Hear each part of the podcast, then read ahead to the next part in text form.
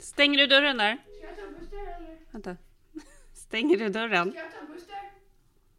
Ja, ta ut Buster. Tack snälla, så här. You'll be a woman soon. Hallå, hallå, hallå. Hej! Ja, Ja, då. gott nytt år. Gott nytt år till 2022. Ja, Det här är This is 40. ja. Och vi sitter faktiskt i samma hus ju. Det är kul. Mm, det gör vi. I ditt fina hus där jag både har fått fira jul och nyår. Ja. Äh. Nej, men hur ska vi, alltså vi måste summera så mycket saker. Men vi kan, vi, jag tycker vi börjar med dagen. Ja.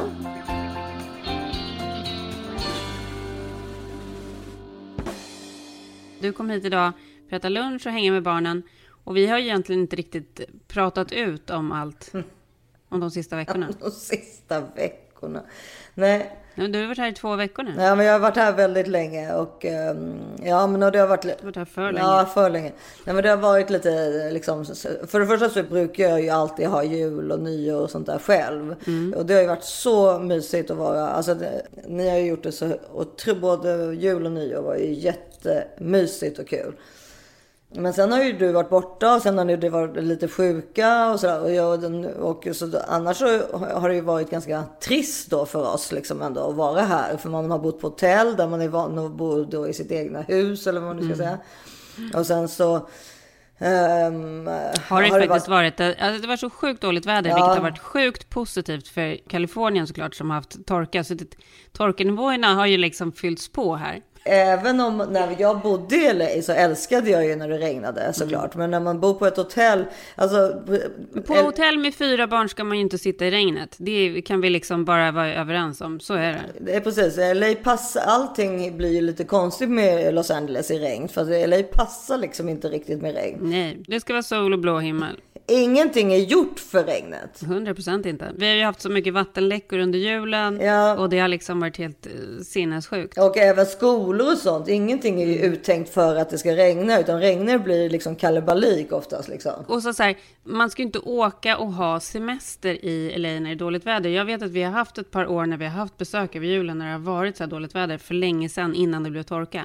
Och det är inte jättekul att vara här i dåligt väder. Det är det faktiskt inte. Nej, så summan av kardemumma, för jag har ju fått ganska mycket DMs i tjänster och är det härligt att vara tillbaka och så. Och det är klart, det har ju varit helt fantastiskt att träffa er och jag har haft så mysiga liksom både jul och nyår och så. Men, och så har vi haft några andra dagar som varit, alltså när vi var på Beverly Hills Hotel var ju jättekul och när vi åt lunch där på eh, Monsieur Marcel.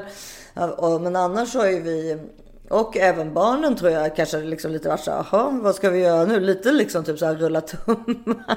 Ja, jag förstår det sen. Nej, men jag förstår det 100 procent. Ja, och sen så har ju ni varit uppe i stugan där på mellandagarna. Och mellandagarna Mm. är ju liksom en dag då man liksom normalt, eller dagar då det är just är det där myset hemma med tända ljus Mm. och man äter pepparkakor och rester ifrån julafton. Mm. Och man går knappt utanför dörren och så. Och då har ju vi liksom typ inte haft något att göra. Det, har ju varit, det är ju ganska deppigt. Men och jag har lite dåligt samvete över det. Men även om vi inte hade åkt iväg så hade vi typ inte. kunnat ses. För Henrik hade ju värsta förkylningen såklart i mellandagarna. Ja, ja, det är klart. han har det. Han har ju haft en man cold som har typ pågått i liksom tio Ja. dagar, såklart. Ja, såklart. Mm. Ja, men det, har, det, det är alltid något med de där karlarna. Men det är alltid något med oss också. Nu ska vi se här, för nu sista gången vi poddade så var det ju att vi skulle vänta på coronatest. Och nu, ska vi, också- nu kommer vi Mm. Ja. också då om en timme ta coronatest för att kunna åka hem igen. Och då får vi Ja, det var se. det första du sa när du kom in hit till huset var att du typ trodde att du hade corona. Ja, nej, men jag tror, jag låter ju lite skrovlig på rösten liksom. Så att det, jag vet inte riktigt. Men annars så. Men, men Issa, men du vet ju om det. Men alltså så, här, så många engångstest som den här familjen har kört Ja. under den här julledigheten är faktiskt helt sinnessjukt. Och det är, det är, varje gång jag tar fram de här Binax Now, jag vet inte om de heter det i Sverige, men det är det största företaget här som gör de där testerna. Mm. Så sitter jag och tänker så här, det var Binax Now som startade corona för att Ja, tjäna de här pengarna. För herregud. Mm. det är sådana extrema summor som måste liksom dras in på de där jävla engångstesten.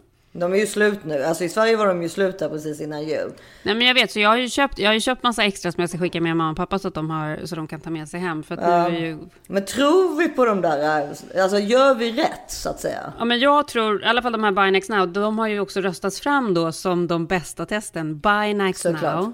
Som är liksom, det är liksom inte ens reklamartiklar utan det är så här riktiga journalistiska artiklar i alla tidningar. Så här, ska du köpa ett test, köp Mm. Next Now. Men det, det låter ju som att det är Next Now som har startat detta.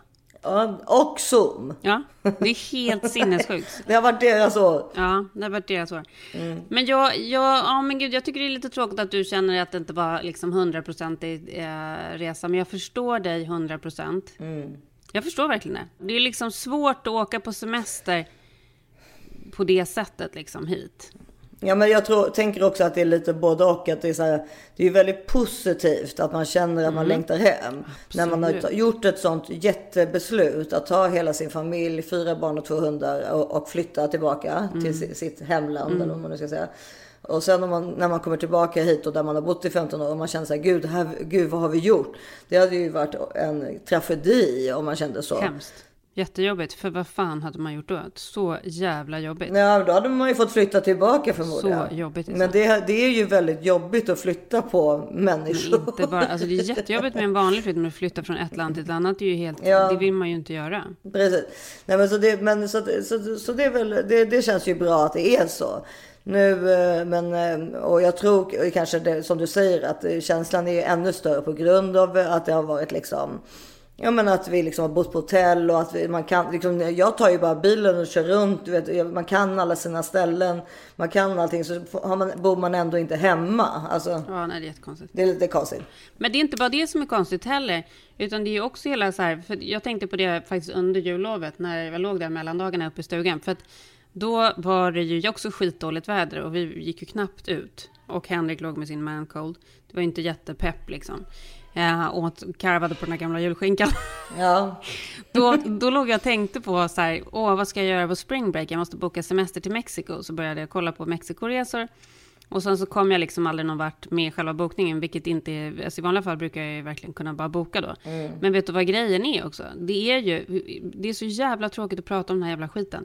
Men det är ju inte så kul att resa i pandemitiderna, för det är liksom för mycket stress kring den där jävla pandemin, kring tester före och efter, kring att man sen ska sitta på flygplan med den jävla masken, till att man kommer till den där orten och man, när man går runt i affärer ska man ha på sig ett fult jävla munskydd. Det är ju liksom inget roligt. Nej.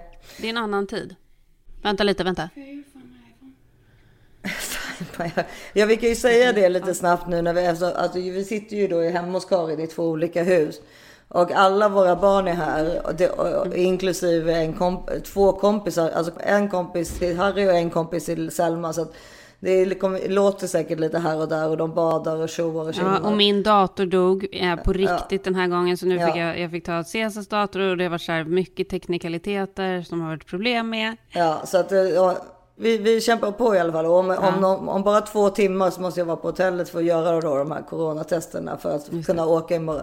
Just det. Men vi har ju lovat en podd, då kommer det en podd. Ja, det har vi lovat. Men Issa, jag måste verkligen säga att jag uppskattar i alla fall så mycket de här eh, dagarna då vi har sett, så att det har varit så härligt. Ja, det men, det som sagt, varit. jag förstår dig. Men jag, men jag förstår dig, och för att jag har också tyckt i vanlig ordning lite synd om mig själv, för jag har haft det väldigt stressigt också, för jag har ju kört en enmansshow då. Ja, det har du verkligen. Ja, men jag har ju kört en enmansshow i och med att Henrik haft sin mancold. Så jag har ju liksom... Han skulle typ bli så irriterad på mig, för han tycker såklart att han har gjort lika mycket som jag. Men jag tycker att jag har jobbat så hårt hela jul och nyår. Men det är väl klart att han inte har gjort lika mycket som du. Det fattar ju vem som helst. Han tycker inte det. Han skulle inte hålla med. Nej, men de fattar ju ingenting. Men nu är vi här och nu är det 2022 och det känns ju ändå härligt. Ja, verkligen. Det jag tog med mig när jag då var liksom... Jag var lycklig men slutkörd nyårsaftonsnatten 2021 till 22. För innan dess hade jag tänkt så här, jag kommer inte ha några nyårslöften. Jag, ska, jag, jag tänker inte ens på nyårslöften längre. Jag känns som man är för gammal för det. Men det första jag tänkte på på eh, nyårsdagen var så här, mitt nyårslöfte det här året ska vara att jag ska tänka mer på mig själv. Ja, det tycker jag verkligen du ska göra. Mi, mi, mi, mi.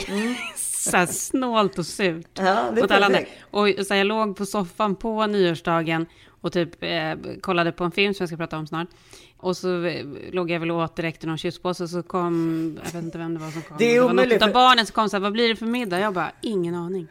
Eh, och så kom nästa bara, jag är hungrig. Jag bara, jaha, gå och ta någonting där i Ja. kylskåpet. Och sen så här, som tredje eller fjärde person så kom ju Henrik och bara, vad ska vi ha till middag då idag då? Jag bara, jag har ingen aning. Han bara, "Ha, vad är det med dig då? Jag bara, nej jag ligger här och njuter över vad mitt nyårslöfte är. Han bara, vad är det då? Jag bara, det är att jag bara ska tänka på mig själv. Ja, bra. Vad sa han då? Han bara, jaha. Ja, så gick han ut i köket. Och lagade mat. Jo, det var ju exakt det han gjorde Issa, för det var ju då han gjorde den där sjukt goda risotton. Ja, just det. I, I den grytan som vi fick av er i julklapp som var Ja. helt fantastisk. En jättehärlig Le Creuset-gryta som han gjorde då risotto i. Medan jag infriade mitt nyårslöfte att jag låg och tänkte på mig själv. Bra. Du ser, det är det som är grejen. De är ju bekväma, men när de märker att ingenting blir gjort, då gör de ju själva. Så att de kan. De kan om Exakt. de bara vill. Det är klart att de kan om de Mm. bara vill.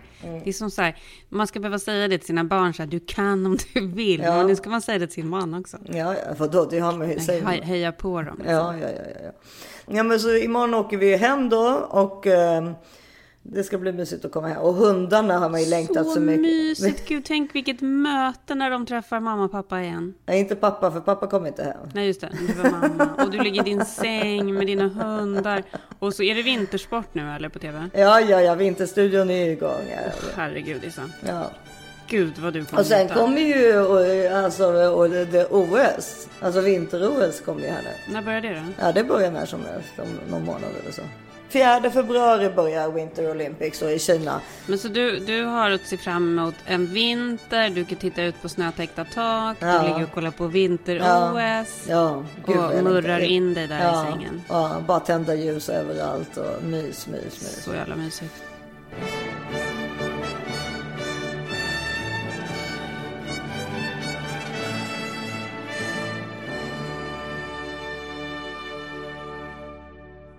Ska vi tipsa om lite olika tv-grejer? Får jag Ja. tipsa om vad jag såg då på nyårsdagen? Ja, Jag var ju både lite bakis såklart.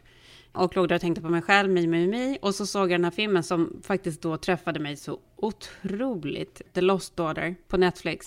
Med Olivia Colman som du alltid säger att du är så lik. nej men det säger jag inte, jag säger att vi har samma frisyr. Men, Hon är underbar, jag älskar henne. ja, men, Jag tycker vad- inte ni är så lika, men frisyrerna absolut. Vi är absolut inte lika, men däremot så har vi samma frisyr. Men jag måste säga en sak om henne som jag tycker är så fascinerande. För det är väldigt sällan en sån kvinna får ta den platsen. Mm. Hon, alltså hon har ju varit känd i England hur länge som helst. Alltså, och gjort hur mycket tv-serier som helst där. Broadchurch bland annat. Som jag Ja, men så här, alla typ gamla polisserier så här, känns det som att hon är med. Liksom. Ja men precis som vi bland annat också har. Och nu är hon ju då The Crown och sådär. Men, men det är så, det, jag tycker det är otroligt för hon är nästan med i varenda film nu. Och, och, och jag tycker det är så fascinerande att man i, vid den här åldern som hon är, vad, vad hon nu kan vara, 50-55 kanske. Det är liksom George Clooney fast kvinna. Mm, jag vet. Men här måste jag säga en sak. För att alla, även de där gamla polisserierna som man ser då med henne, Broadchurch och dem, så har ju hon, hennes karaktär är ju alltid väldigt stark. Alltså hon har ju aldrig liksom en mähä-karaktär. Nej vet du, hon är född som jag 1974. Mm, nej, det var det jag tänkte på. Vi är till och med samma Ja. ålders... eh, och då tänkte du så här, ja ah, hon ser äldre ut än vad hon är. Men det är inte det Isa. Vet du vad grejen är? Nej, hon ser ju, hon har ju inte en enda rynka. Det är bara det att hon har sånt djup i sin, i sina, sin blick. Det här är nämligen det grejen som jag tänkte så himla mycket på. Eh, när jag såg den här, jag tänkte på liksom alla hennes olika karaktärer hon har spelat. Hon har ju då, alla karaktärer har ju varit eh, väldigt så bestämda kvinnoroller. Det har ju inte varit några lätta kvinnor som hon har spelat. Nej. Utan det har ju alltid varit ganska så här jobbiga kvinnor typ. Ja. Och nu är jag så hemsk som säger det, jag vet inte om så kan säga det, men det är ju för att hon inte är den, att, liksom den eh, inom citattecken den så här vanliga skådisskönheten, utan att hon liksom har ett utseende som är mer, alltså hon är ju en mer basic person i sitt utseende. Ja, men alltså... Och, eller? Nej, men det är ju alltså hon är... Hon, hon är alltså, Det är därför hon också har fått fortsätta att göra rollerna, men det är hemskt att det ska vara så. Nej, jag. men jag, jag tycker mer att det är just därför man blir så himla imponerad över att hon får de här rollerna i Amerika. Där som är ju, alltså i, i England så uppskattar de ju riktigt skådespeleri. Alltså om vi ska, nu ska vi ytligt prata. Alltså, men här vill de ju liksom att alla ska vara väldigt snygga. Snygga, Ja, exakt. och då blir man ju liksom väldigt fascinerad över att hon äh, on, alltså under de här två åren som har gått fått väldigt sta- stora roller i USA. Eh, och, och på grund av The Crown då förmodar jag att det började med. Alltså, eh, för jag menar i England har hon ju varit jättestor hur länge som helst. jättestor jättelänge. Men, och sen så är ju då The, The Daughter, The Lost Daughter eh, regisserad av Maggie Gyllenhaal. nej, alltså, och plåtad av en kvinna Ja. också. Så att, Men och, har du sett den eller? ja, Eh, för att, eh, för, men den tog ju då väldigt mycket på mig på nyårsdagen, just också när jag låg där och Ja. hade mitt det där löftet som var mi, Ja. mi, mi, mi. För den handlar ju om Ja. en... eh, Alltså man, man förstår ju att det är någonting som har hänt i bakgrunden. Men hon, hon är i alla fall professor va? Hon kommer till en grekisk liten ort och ska väl göra något arbete och eh, har hyrt något hus. Miss Caruso, welcome. Och hänger dagarna på stranden och sitter och skriver sina rapporter samtidigt som hon ligger och studerar liksom andra folk på stranden.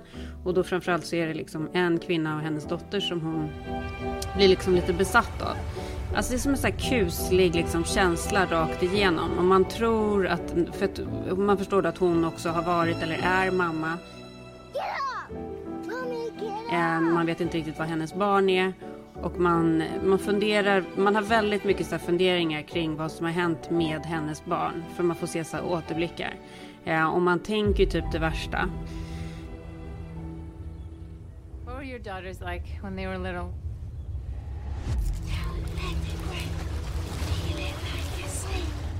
I can't remember much actually. Man får ju se, man får se ju återblickar på när hon var ung. Och hur hon liksom inte riktigt orkade. Alltså det är ju, jag, jag skulle säga liksom att vad Lost Daughter handlar om är om att för- föräldraskap liksom inte är så enkelt. Att inte räcka till. Att inte räcker till. Att, Att känna att man bara inte orkar med sina barn ibland. precis. Så här förbjudna känslor. Children are a crushing responsibility. Happy birthday.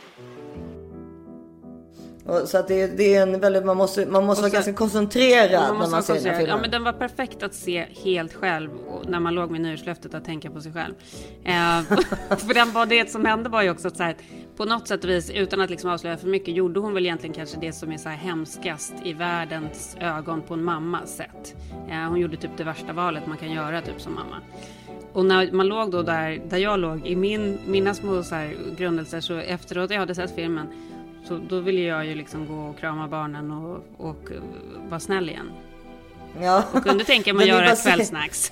Den är ju baserad på den här Elena Ferrantes bok The Lost Daughter. Och Elena Ferrante är väl hon som skrev den här trilogin om min bästa väninna va? Exakt. Fantastiska böcker och så här otroligt poetiskt eh, sätt att se på världen och, och, och allting. Och det var ju, den här filmen är ju också lite som så poesi faktiskt. Både i så här hur den är filmad. Den, den känns också väldigt mycket Maggie Gyllenhaal. Ja. Hon är ju väldigt, hon är väldigt speciell, eh, både som skådis och som person. Hon är gift med eh, eh, Sarsgaard som också... Peter Sarsgaard. Ja, Peter Sarsgaard är ju med i filmen också. Jag har faktiskt träffat, sett dem på ett café en gång när hon var nybliven mamma.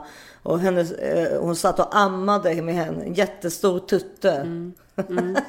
på en, en restaurang i, i, i Venice. Och eh, nej, men de är ju väldigt så här hippie och härliga liksom. Ja, men och Sarsgaard var ju faktiskt, hade ju en av huvudrollerna i den här serien Henrik gjorde för förra året. Ja just det, det hade jag. Uh, Interrogation, ja. ja, och verkar ju vara Han är ju så härlig också, ja. Mm, härlig och trevlig. Ja, nej men så den kan man ju rekommendera. Den krävs liksom lite så här att man har lite lugn och ro runt sig för att kunna se den. Ja, det tycker jag också. Och kanske till och med att man ska se den flera gånger faktiskt. Eller, det låter ju... Nej, det kommer jag inte göra. Jag, jag tror jag kommer se den en gång till. För jag hade inte riktigt lugn och ro. Men Jag hade ju lugn och ro. ja, det är ju för att du, du därför att nu när du har sagt att it's me, me, me så lyssnar ju alla på det. Ja, nej men alla Det är ingen det, som, det var inte läge ingen har börjat lyssna på mig ännu tyvärr. Nej. Men eh, så det, det, det, The Lost Daughter som går på Netflix är mm, absolut ett, eh, ett eh, tips. Får jag tipsa om en annan grej som jag såg också?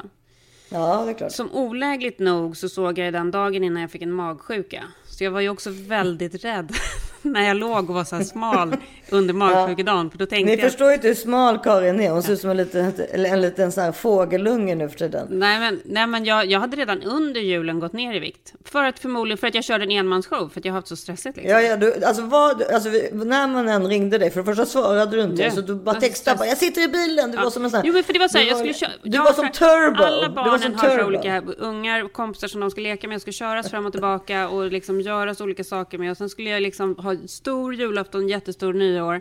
Eh, handlas mat, grejas och jag hade liksom ingen att dela det med. Nej, helt sjukt att orka. Eh, men jag gick ner i vikt i alla fall och sen fick jag en liten magsjuka igår så att Ja, som kan ha kommit ifrån Greta ju. För att. Greta... Men det, för det, vi kan ju ta det som en parentes bara. Att precis när vi hade satt på ytterrockarna för att börja, gå hem till Karin på nyårsafton. Så började, började Greta spy rakt ut på, på mattan på vårt hotellrum. Och eh, jaha, då fick vi ta av oss jackorna igen. Och så började vi liksom undra vad, det var för någonting. För någon hade ätit för mycket godis eller vad. Slutade i alla fall med att hon fortsatte spy och spydde liksom eh, typ 11 gånger eller något sånt där. Och så hade hon liksom ont i magen och hon såg inte så blek ut men lite trött liksom. Men då bestämde vi då, vi tog coronatest och det var det inte. Men vi bestämde i alla fall att eh, eh, Filip fick vara hemma med Greta. Och så åkte jag då. Men sen så vid- 12, halv ett någonting. Efter tolvslaget. Då ville Greta plötsligt gå på festen. Då hade hon ju sovit av sig liksom det värsta. Och då, då kom, och då var det ju ganska bra för då var det ju som om Filip skulle kunna komma och hämta mig också. Så det passade ju ganska bra. Mig och de andra barnen. Och då, men då kom ju Greta hit och sen så visade det ju sig och, och nästa dag var ju hon helt frisk liksom. Men sen, så har, verkade det ju ha visat sig som om att eh, det kanske var någonting smittsamt ändå.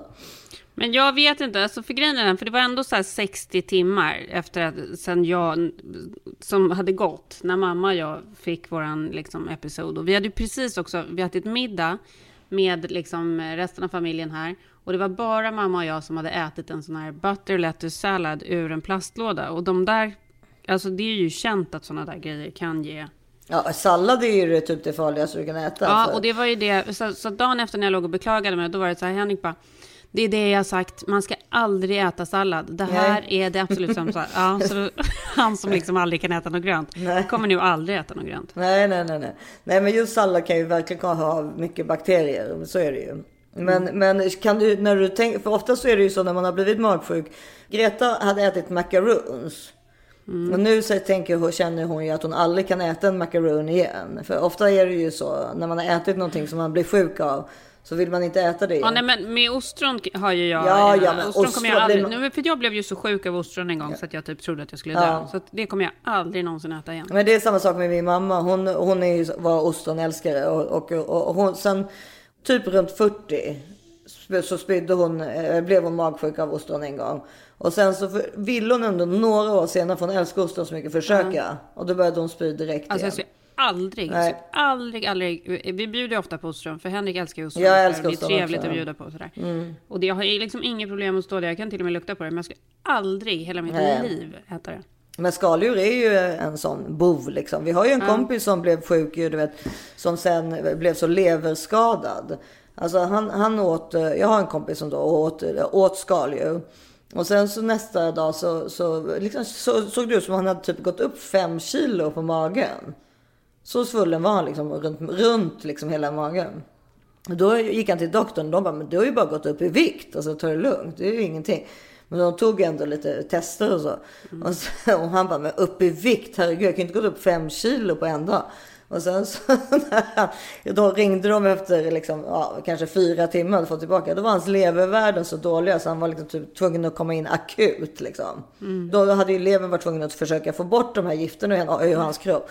Och sen så blev det liksom att hans lever blev, var tvungen liksom att typ kurera. Så han drack eller gjorde ingenting så här onyttigt på ett års tid. För, och då sa då den där doktorn till honom så här, I don't fuck with shellfish anymore. No, doc no doctors do. Alltså att det är det sämsta du kan äta för att det är så lätt att få i sig för mycket, för mycket gifter för kroppen, för kroppen att klara av och hantera liksom. Ja. Sorgligt, för det är så jäkla gott. Ja, det är jävligt gott. Det är jävligt gott. Men eh, då så... mm, Men ja, hur kom vi på det här? Jo, jo, Jo, men du ska jag berätta ja. om det, mitt andra tips. För Ja. då var det då dagen innan jag blev magsjuk. Så låg jag också så här och undrade vad jag skulle titta på på kvällen. Alla hade somnat. Ja, och höll på och scrollade runt bland olika saker och hittade liksom ingenting. Det är väldigt tråkigt. Och sen när man äntligen har lite tid, liksom, att man ska Ja. liksom få chansen att titta på saker. Och av någon konstig anledning så hamnade jag då på den här, den är inte ny, det är en tvådelars dokumentär som ligger på HBO. Som heter What Happened Brittany Murphy. Ja, Har du sett den? nej men jag... Du kommer se den här jag, efter jag har pratat om den. Nej, men För det jag- här är liksom, Ja. hela hennes historia är ju så här, så fort man liksom stöter på den i någon tidning så, så slås man ju liksom av den, att den är så jävla sjuk och alltihopa. Och, och så när när jag slår på den där, för det första så är det så här, det är ju absolut ingen underhållning att en person har dött. Det är verkligen inte det som vi ska komma till. Men det är liksom hela historien kring det. Det är så jävla sjukt alltihopa. Hon var ju så jäkla charmig också. Hon var ju så sjukt charmig, så jävla snygg, så jävla härlig, Söt så kul i intervjuer. Hon, var, hon var en av stjärnorna i liksom Clueless. Hon Var Sprallig, med, sprallig. hon var med med 8 mm Hon var ju egentligen liksom en jättestjärna. Och blev ihop med Ashton Kutcher, var ju liksom på så här, på toppen av hennes karriär så trodde man ju verkligen att hon skulle bli liksom, ja vem ska man jämföra med? Men kanske typ Mila Kunis eller någon som nu är tillsammans med Ja, men hon var typen. väldigt stor. Och sen från en sekund till en annan. Så bara helt plötsligt så fick hon bara skitroller. Det snackades skit om henne överallt. Paris Hilton som också var med i den här dokumentären. Höll ju på och skrev eh, att hon var pillermissbrukare på sin sajt. Det var ju jättemånga som skrev så här hemska Mm. saker om henne. Och det visade sig också att hon hade ett väldigt svagt psyke. Mm. Och hade, tog ju, åt väl massa piller också dessutom. Ja, men och det var liksom en, det var en spiral Mm. av dåliga saker och hon var i desperat behov av så uppmärksamhet och varenda kille hon var tillsammans med förlovade hon sig med. Mm. Hon ville inget hellre än att bli gift. Den killen som hon liksom var förlovad med innan hon efter hon hade varit tillsammans med Ashton Kutcher var faktiskt en kille som jag dejtade när jag bodde här och pluggade. Som var typ så jättesnygg och jättehärlig och jättekul. Och sen gick hon liksom från honom, från, från Ashton Kutcher till den där andra killen som jag också hade dejtat. Till den här sinnessjukt obehagliga konartisten Simon Monjack. Som var liksom mycket äldre än henne. Han hade liksom lurat massa folk och utgett sig för att vara biljonär och han liksom satt i så stora skulder på olika ställen. Helt plötsligt så tog han över hennes liv så här totalt. Helt plötsligt från en dag till en annan.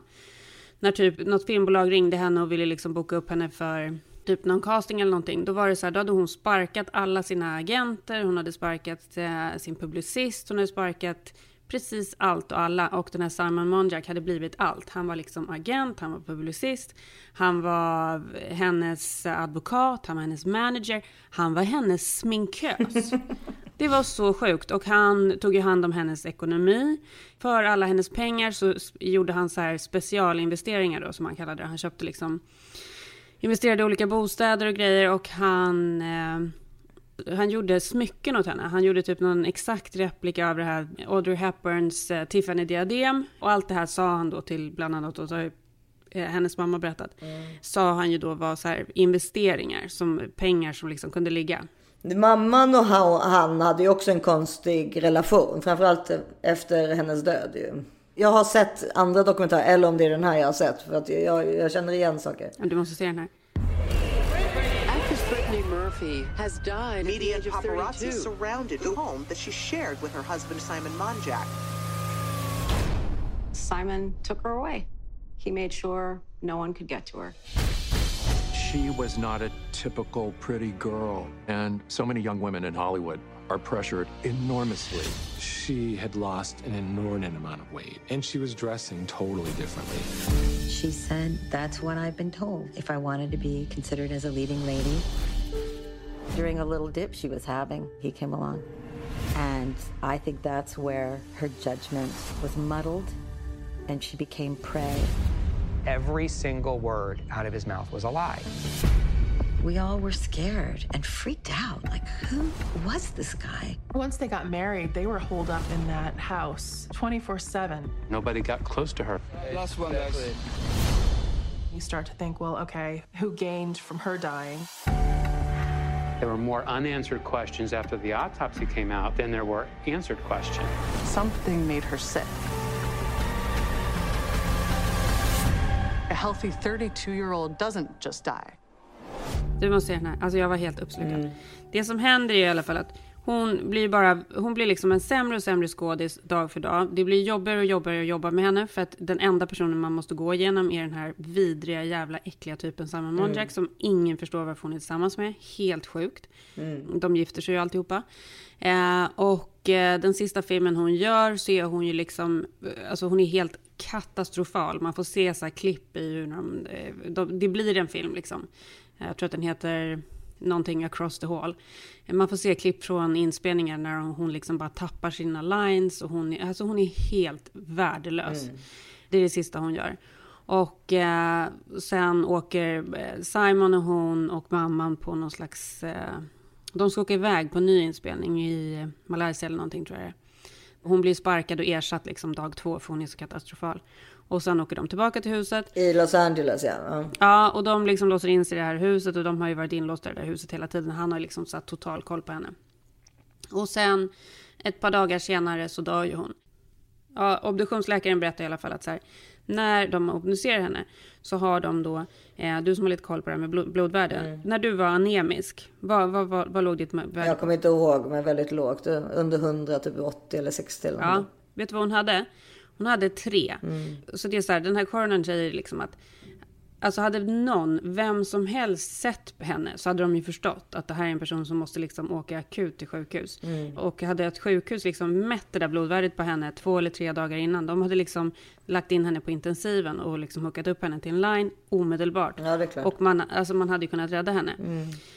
Det var ju dels det då, hon var helt totalt anemisk. Hon hade ju blivit anorektisk också för att eh, han gillade ju då smala tjejer och hon var väldigt osäker och många hade ju sagt till henne att hon var chubby och, och liksom allt Mm. med det ena eller. I Clueless så spelar hon ju liksom lite den där chubby girlen som de ska göra om liksom. Exakt.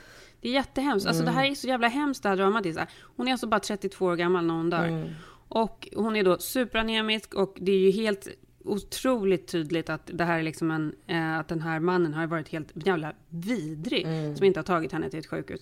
För hon har ju också en full-blown Ja, lunginflammation. Lunginflammation. lunginflammation som är så illa så att det är så här lungorna, när, de lägger, när man då gör en sån här obduktion så tar de bitar av lungorna och lägger i vatten för att se hur pass illa den här Mm. eh, lunginflammationen är.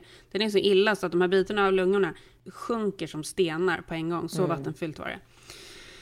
Nej men och, och sen så är det väl så att, ja, man ska väl kanske inte berätta allt men det finns ju ett Nej, men jag öde, måste berätta. det Det finns ett sista öde berätta. som han också eh, Ja men, det, ja, men det sista jag måste berätta är så här, hur jävla sjukt det är sen då. När han, men han är ju helt sinnessjuk. Han tar ju in någon reporter och visar upp alla hennes kläder och går runt där och visar i så här huset. På, alltså, han är helt morbid. This is obviously the infamous bathroom which no one has managed to even come in and clean out yet. And as you can see, my wife had a penchant for cosmetics. Well, most of the cosmetics are mine, as I ended up having to buy them over the years for the hair and makeup. And this is the little doggy couch where she actually fell. She fell on Clara's chaiselong. And um, then she was put on a side right here next to the chaiselong. Och sen ställer ju han och den här mamman upp på en intervju. De ställer upp på en intervju hos Larry King som är helt absurd. Ja, Lars måste nästan den- lägga in lite klipp här från den intervjun. För Ja. det är liksom det sjukaste jag sett. Any eating problems? Any dislike? No. Eating problems. I mean, any problems other than the heart rhythmia Yes. you knew about? Yes, she had a big eating problem. Which was? She had refined taste.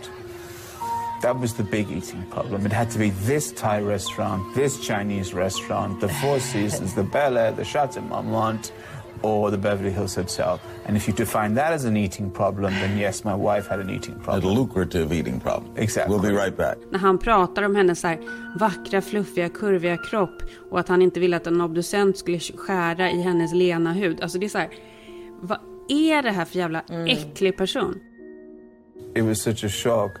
This pristine body that was curvy in all the right places and the skin like silk.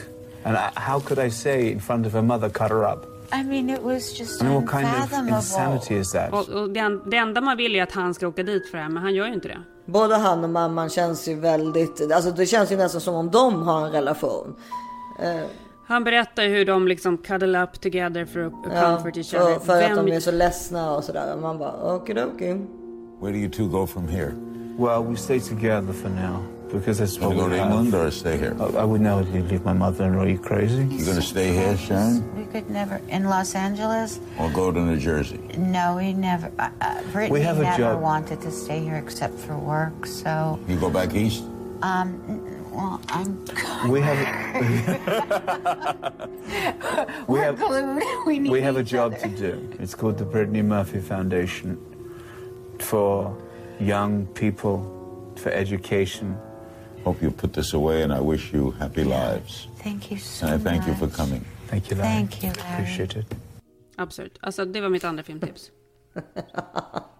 Ja, nej men jag har ju också kollat på ganska mycket saker. Men The Lost Daughter har jag ju sett. Men sen har jag tittat igen då ganska mycket på CNN såklart. Okej. Och jag tycker faktiskt att vi kan prata en sekund om, ja, om Anderson Cooper och eh, Andy Cohens eh, nyårs, på nyår på Times Square när Andy Cohen blir så full. Nej, men jag såg inte det. Berätta. varje nyår så har ju de den här liksom nyårs... Mm, The Ball Drop. Och det, de, de, de, CNN tycker ju att det, har ju, liksom att det är roligt att blanda Anderson Cooper och Andy Cohen för de är bästisar. De har ju till och med varit på sådana här tours ihop liksom med, med eh, alltså de gör en sån stand-up, de är ju ett, och de är jättebra kompisar. Och varje år så är det lite så här en grej att Andy Cohen dricker lite för mycket. Ja, Men han är ju den som får vara liksom let loose för att han är ingen nyhetskille. Precis, så han får vara liksom lite så för dem. Han får eller för- spåra. Han får spåra lite, men den här året spårade han ju extra Nej mycket. men gud vad kul. I those guys are. Happy New Year. Cheers. We want to wish you all Happy New Year, happy New Year. everybody.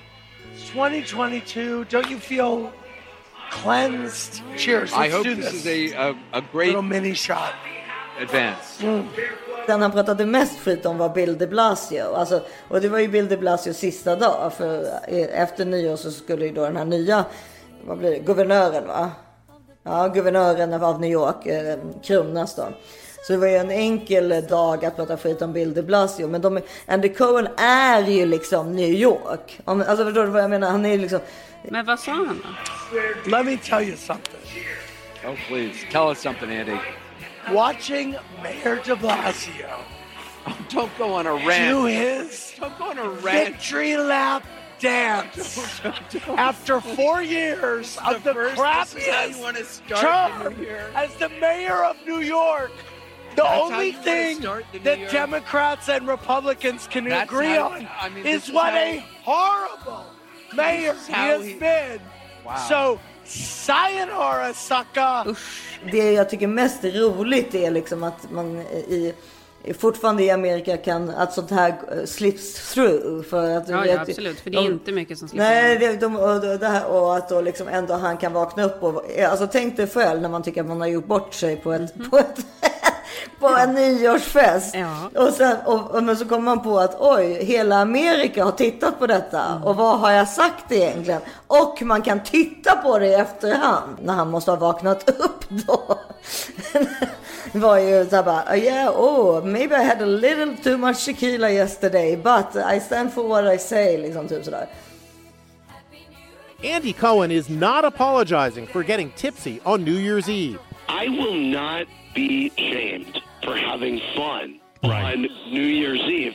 On Howard Stern's Sirius radio show, Cohen spoke out about the rant on CNN that targeted outgoing New York City Mayor Bill de Blasio. Cohen acknowledges he was, shall we say, overserved while co hosting with his good pal Anderson Cooper. It was not only a middling year, but it ended in a car crash of COVID and Betty White dying on the day of New Year's Eve, who everyone loved. So it was like, we got to kick it into gear. We got to have fun. But he does have one regret this dig against Ryan Seacrest, who was hosting ABC's festivities just feet away. Men jag älskar ju Ryan Seacrest, så vad kan han ha sagt? Sa han något dumt om Ryan? There's a bunch started our coming fog from machine. Ryan Seacrest's group of losers. Nej. Sayonara, sucker. Så att vi kan sätta in lite roliga klipp därifrån. Så kan ni alla som blev jättefulla på nyår slippa skämmas så mycket kanske. Ja, nej men man behöver inte skämmas över nyårsfyllor tycker inte jag. Det är liksom, nyår är liksom off limits. Nej men man vet ju hur man mår. Det är inte många människor som mår jättebra den första januari. Nej. Såg du klippet på när jag städade med högklackat? Nej, det såg jag inte. Har du lagt... Nej, det men det var, det var Isabella som har tagit en film. Jag kan lägga den på, på våran Instagram. Ja, det är jättekul. Var det fortfarande på natten liksom eller? Ja, men hon och Lotta skulle ta någon bild på mig när jag satt nere i biblioteket. Och det, ja, det var väldigt tydligt vilken nivå jag var på. Städade golvet med högklackat, vispade bort så leksaker med högklackat. Det var, det var Mickan. Ja, men Mickan, du är alltid Mickan. Vi har ju kommit, Mickan på, levererar. vi har kommit på att du är ju Los Angeles Mickan, så det är ju perfekt. Mm. Eh, Och Henrik är fan lik Fredde också. Så det är, ja, det är. Liksom. Vi är här på sol. Och vårt område är ju Solsidan, 100 procent. Det jobbiga är ju att jag är, då är Mia Skäringer och Filip är Felix Herngren. Men det, det är inte helt olikt alltså. Nej, men jo, det är det visst. Nej, jag skojar bara. Men, men du är i alla fall Mickan, det är en sak som är säker. Du, eh, jag har ett tips också. Beauty-tips eller? Ja.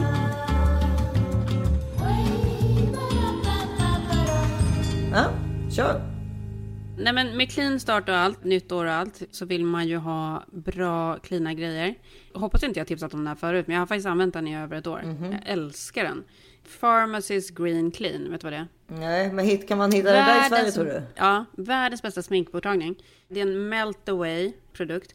Så det är som en burk. Du stoppar ner handen, tar lite av den här eh, turkosa geggan, sätter på ögonsminket. Och du vet, nu när man har blivit då i den här åldern som man vill ha mycket smink så blir det jobbigare att ta bort allting. Ja. Men den här tar bort precis allt och du behöver så sjukt lite. Du bara tar lite av det där.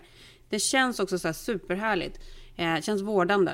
Så att du, det torkar inte ut eller någonting. Och så gnuggar du in ögonen med det här och sen bara kör du på varmt vatten.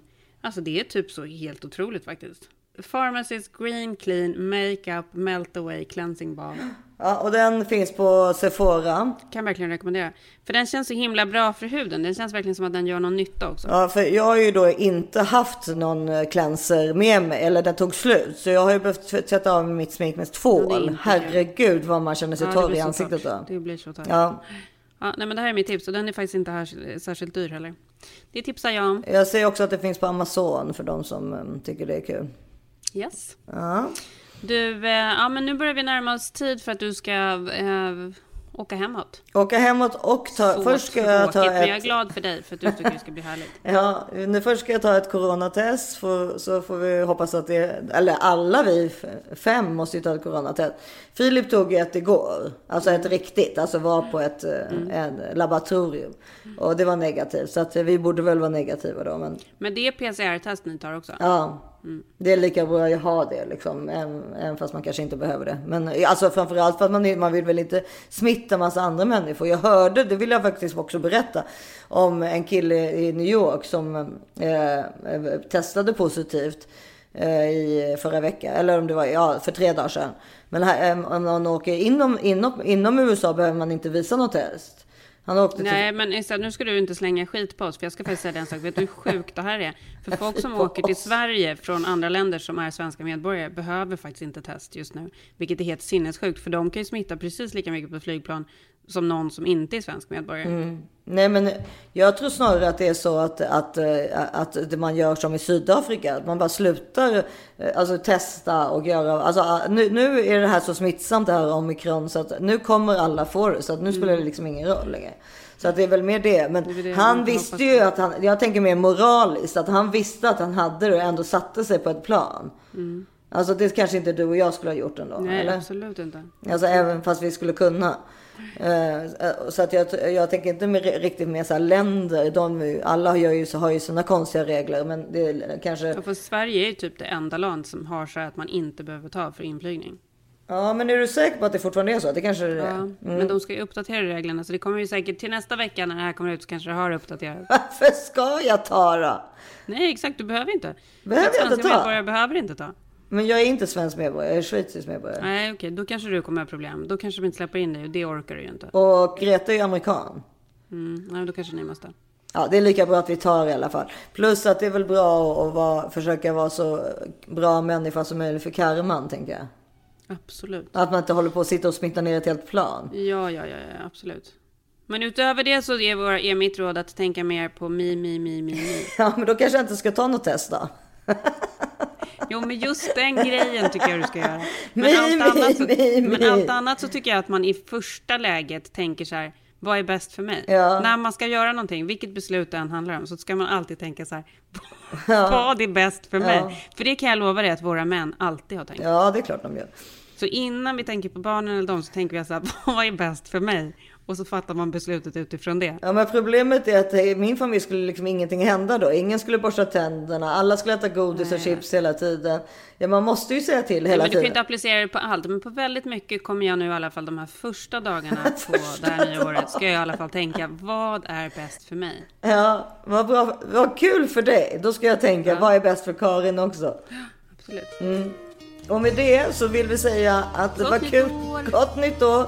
Det här kommer bli bra. 2022, det hör ni ju själva. Vilken, vilken bra siffra. Det kommer bli så sjukt bra, särskilt Ja. när det bara ska handla om mig. Exakt. Karin går in i mi, mi, mi, mi, mi mode och, eh, och jag hjälper henne på Men vägen. det måste du också göra. Ja, men jag går in i Karin, Karin, Karin, Karin, Nej, du, Karin går mode. in, du går också in i mi, mi, mi. Alla vi går in i mi, mi, mi. Ja, ja, det är bra. Ja, gott nytt år på er. Puss och Eller, kram. och eh, puss och vi hörs nästa vecka. Puss puss! Hej då! Times have changed and times are strange. Here I come, but I ain't the same. Mama, I'm coming home. Time's gone by, it seems to be. You could have been a better friend to me. Mama, I'm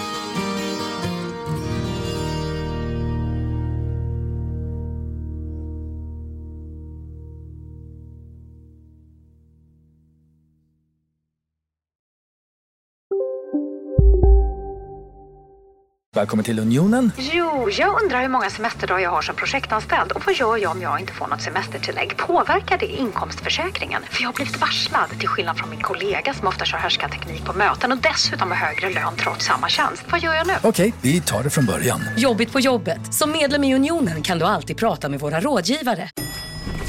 Nej. Dåliga vibrationer är att gå utan byxor till jobbet. Bra vibrationer är när du inser att mobilen är i bröstfickan.